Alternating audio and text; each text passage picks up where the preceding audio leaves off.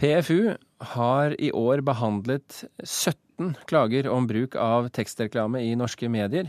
Til sammenligning ble det bare behandlet to klager om tekstreklame i fjor.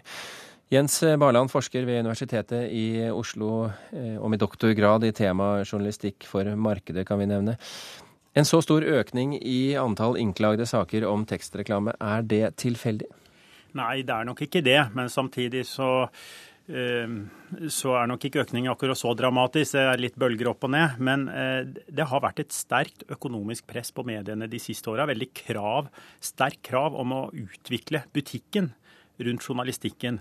Og Det som skjer i noen av disse sakene, det, det er utslag for at journalistikken på flere og mer sofistikerte og nye oppfinnsomme måter brukes for å utvikle forretningsmodeller og nye inntekter og slike ting. Og så Da blir det noen ganger at journalistikken trekkes litt for langt i forhold til andre økonomiske funksjoner i mediehuset.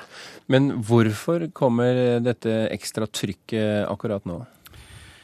Det er nok eh, flere årsaker. Det ene er at når eh, mange mediehus som driver både på papir og nett, eh, som da sliter med inntektene på papir og da jobber ekstra ekstra hardt for å få det til på nett, da blir det, da blir det fristende også holdt på å si, å prøve litt for mye, som det blir noen ganger.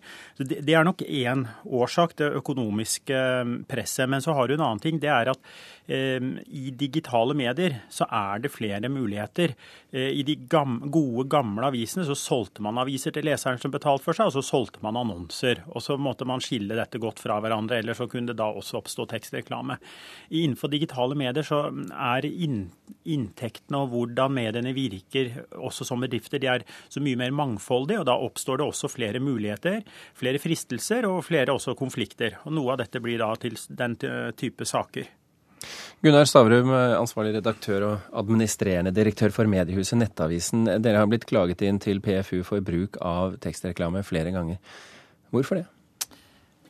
Det er jo som Jens uh, sier her, at uh, det er uh, nye muligheter på nett som gjør grenseoppgangene vanskeligere enn på papir. Vi har hatt to saker. En for ja, tre år siden. Den tapte vi. En ganske nylig. Den vant vi. og det som er forskjellen på de to sakene for vår del, det er at vi er blitt mye flinkere til å merke tydelig hva som er kommersielle lenker, og hva som er redaksjonelt innhold. Så vi er en ganske ny bransje, og vi må lære. Og det, det store det skjer store omstillinger i vår bransje. Altså, det er mye lettere for en nettavis å ha en direkte lenke rett til butikken enn det er for uh, en papiravis. Uh, og da blir på en måte også grensedragningene vanskeligere. Men grensedragningen er vel strengt tatt den samme? Nei, den er ikke det. Fordi at uh, um, ta, en, ta, et kjent selskap som Google, som jo lever av å sette sammen redaksjonelt innhold og kommersielle lenker. Eh, det er forretningsmodellen deres. I løpet av kort tid så har det blitt en av de største annonsebærerne i Norge. Det er vår konkurransesituasjon. En annen ting er brukernes eh, vaner og ønsker. Eh, ta noe som ikke er så omdiskutabelt, men ta bokanmeldelser og plateanmeldelser. For en bruker på nett i dag så er det helt opplagt at hvis han leser en god bokanmeldelse eller en god plateanmeldelse, så ønsker han å kunne kjøpe den tingen der og da. Det er også brukerforventninger som er annerledes på nett. Men Betyr det at dere også da slenger opp en link i nærheten av den artikkelen, så brukeren kan gå rett dit? Ja, det gjør vi. Og det er, det er også fullt lovlig å gjøre. Men selger dere, eh, selger dere den plassen? Eh, alle store nettaviser i Norge gjør, gjør, slike ting. Altså, Har vi en bokanmeldelse, så er det mulig å kjøpe boken i direkte tilknytning til bokanmeldelsen. Men, men, vil dere da f.eks. kunne ta penger av ark for å trykke en linke til nettopp den eh, nettbutikken? Ja, eller man er like vanlig, så får man en andel av, eh, av inntektene når boka selges. Husk på det at i gamle dager så levde jo journalistikken av å selge aviser, av annonser og av statsstøtte. På nettet så er det verken statsstøtte eller abonnementsinntekter. Sånn at all journalistikk vi driver må finansieres med annonsering eh, eller denne typen tjenester.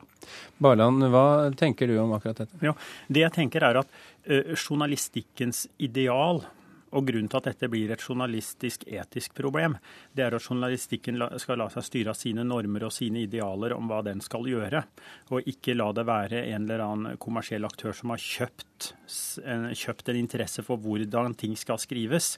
Um, og, og, og, det, er jo derfor også tekstreklame. Det ordet i seg selv det sier jo at man blander sammen to ting som ikke hører sammen. At La reklame være reklame, det hører hjemme i mediet, men da vet vi og ser at det er reklame. Så lar vi teksten, altså journalistikken, være journalistikk. Um, og, det er det når de når det blandes sammen, det er da det blir problematisk. Og, og det som skjer nå, når, når, disse grensene utfordres hyppigere og hyppigere, det er at det oppstår, kan for leserne oppstå en usikkerhet om hva er egentlig motivet for å skrive om disse platene, om disse bøkene, eller om disse bilene, eller om disse reisereportasjene. Skriver man om dette for å gi forbrukeren veiledning til å reise til Syden, fordi det kan være litt vanskelig å velge det på en fornuftig måte, og det er mye ting du skal passe på. Det er greit å ha forbrukerjournalistikk og få gode råd om, eller er det egentlig bare et samarbeid med en bestemt reiseaktør for å få deg dit, eller for, for, for å fylle deres fly, sånn at du sitter egentlig og leser en annonse som er kledd ut som journalistikk. Er du eh, redd, eh, Stavrum, for at eh, det på lang sikt kan gjøre at folk mister tilliten til journalistikken på nett? Ja, så Jeg er jo helt enig i at det er svært viktig å ha, å ha grensedragninger også internt i, i bedriften. Eh, sånn at man har klare roller hvor noen er journalister og andre driver med kommersiell virksomhet. Jeg syns også det er veldig viktig at leserne vet hva som er journalistikk og hva som er kommersielle lenker. Eh, men jeg tror også det gir en frihet eh, som ligger i det at, at leserne vet at, at det er nå det som er vår kommersielle modell. Vi får ikke statsstøtte, vi får ikke penger av politikerne for vår virksomhet. Det gir også en troverdighet. at vi er ganske Men de kommer vel til dere for å lese journalistikken og ikke for å lese annonser? Nei, begge deler. Det, det tror jeg du skal ta inn over deg. At, eh, at, kommersielle budskap alltid har vært viktige eh, bærebjelker, også, også i papiravisene. Og Altså, det er jo selvsagt sånn at, eh, at, det at alle avisene har, har bil, bilmagasiner og, og bolignumre, det er jo ikke fordi at det er så spesielt viktige stoffområder. Det er jo fordi at det tiltrekker seg annonsører, og sånn har det vært i 50 år. Barland, mm. får vi flere tekstreklameprotester til eh, PFU i året som kommer? Eh, ja, i hvert fall en grunn til det er jo at eh, generalsekretæren i Presseforbundet har sagt at han vil, Per Erga Kokkvold har jo sagt at han vil bruke sin initiativrett til å fremme flere saker, så bare det tilsier at det blir flere. Men det er én ting som skiller dette temaområdet i forhold til andre, det er at her blir ikke leseren forulempa, de bare slutter å tro på det. De klager ikke inn. Så er det heller forskjellige aktører og konkurrenter som klager inn hverandre. Vi får se hvordan dette vikler seg ut eh, i løpet av 2013. Jens Barland og Gunnar Stavrum, tusen hjertelig takk for at dere kunne komme til eh, Kulturnytt.